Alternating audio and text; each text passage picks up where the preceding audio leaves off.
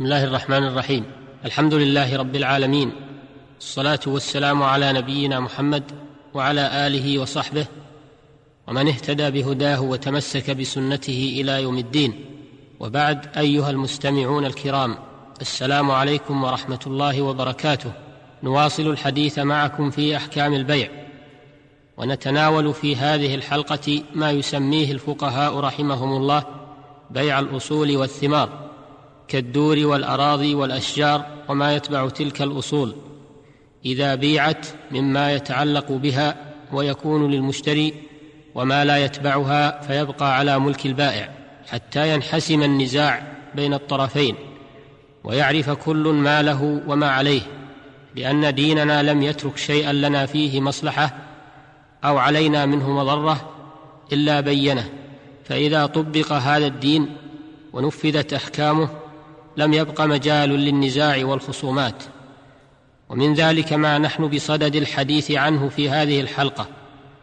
فقد يبيع الإنسان شيئا من ماله وهذا الشيء يتعلق به توابع ومكملات ومرافق أو يكون له نماء متصل أو منفصل.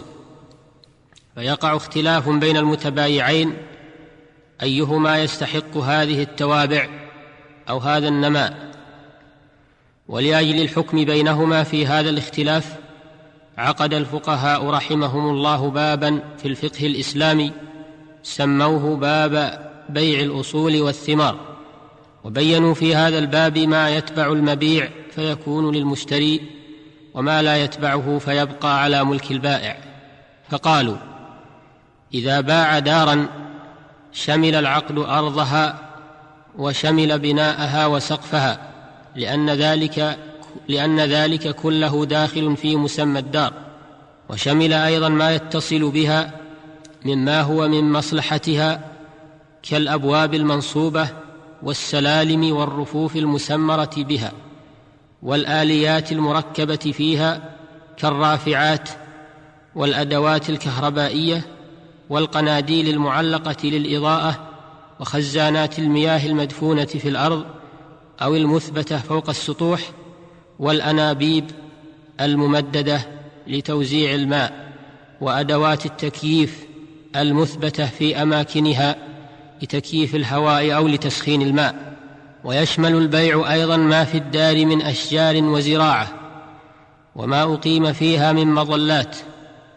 ويشمل البيع أيضا ما في باطن أرض الدار من معدن جامد أما ما كان مودعا في الدار مما هو منفصل عنها فلا يشمله البيع كالأخشاب والحبال والأواني والفرش وما دفن في أرضها للحفظ كالحجارة والكنوز ونحوها. وكل هذه الأشياء لا يشملها البيع لأنها منفصلة عن الدار فلا تدخل في مسماها إلا ما كان يتعلق بمصلحتها كالمفاتيح ونحوها فإنه يتبعها ولو كان منفصلا عنها. وإذا باع ارضا شمل البيع كل ما هو متصل بها مما يستمر بقاؤه فيها كالغراس والبناء. وكذا لو باع بستانا شمل البيع أرضه وشجره وحيطانه وما فيه من منازل. ولو باع أرضا فيها زرع لا يحصد إلا مرة كالبر والشعير فهو للبائع ولا يشمله العقد. وإن كان في الأرض المبيعة زرع يجز مرارا كالقت أو يلقط مرارا كالقثاء والباذنجان فإن أصوله تكون لمشتري الأرض تبعا للأرض وأما الجزة واللقطة الظاهرتان عند البيع فإنهما يكونان للبائع وكل ما ذكر من هذا التفصيل فيما يتبع البائع وما يتبع المشتري عند بيع الأصول إذا لم يوجد شرط بينهما.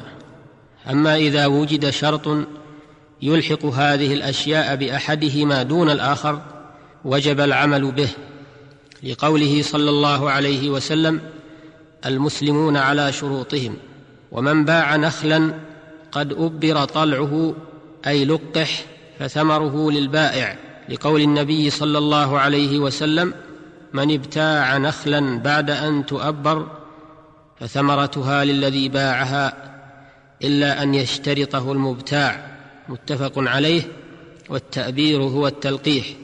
ومثل النخل في هذا الحكم شجر العنب والتوت والرمان إذا بيع بعد ظهور ثمره كان ثمره للبائع. وما قبل التأبير في النخل والظهور في العنب ونحوه يكون للمشتري لمفهوم الحديث الشريف في النخل وقياس غيره عليه. أيها المستمع الكريم ومن هذا تفهم كمال هذه الشريعة الإسلامية وحلها لمشاكل الناس وأنها تعطي كل ذي حق حقه من غير ظلم ولا إضرار بالآخرين. فما من مشكلة إلا وضعت لها حلا كافيا مشتملا على المصلحة والحكمة. تشريع من حكيم حميد يعلم مصالح عباده وما يضرهم وما ينفعهم في كل زمان ومكان. وصدق الله حيث يقول يا أيها الذين آمنوا أطيعوا الله وأطيعوا الرسول وأولي الأمر منكم فإن تنازعتم في شيء فردوه إلى الله والرسول.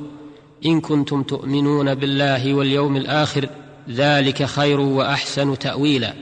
فلا يحسم النزاع بين الناس ويحقق المصالح ويقنع النفوس المؤمنة إلا حكم الله ورسوله. أما أنظمة البشر فهي قاصرة قصور البشر وتدخلها الأهواء والنزعات والنزغات كما قال الله تعالى ولو اتبع الحق أهواءهم لفسدت السماوات والأرض ومن فيهن فتبا, فتبا وبعدا وسحقا لعقول تستبدل حكم الله ورسوله بقوانين البشر أفحكم الجاهلية يبغون ومن أحسن من الله حكما لقوم يوقنون. نسأل الله أن ينصر دينه ويعلي كلمته ويحمي المسلمين من كيد أعدائهم. إنه سميع مجيب. وصلى الله وسلم على نبينا محمد وعلى آله وصحبه أجمعين. وإلى الحلقة القادمة بإذن الله. والسلام عليكم ورحمة الله وبركاته. والحمد لله رب العالمين.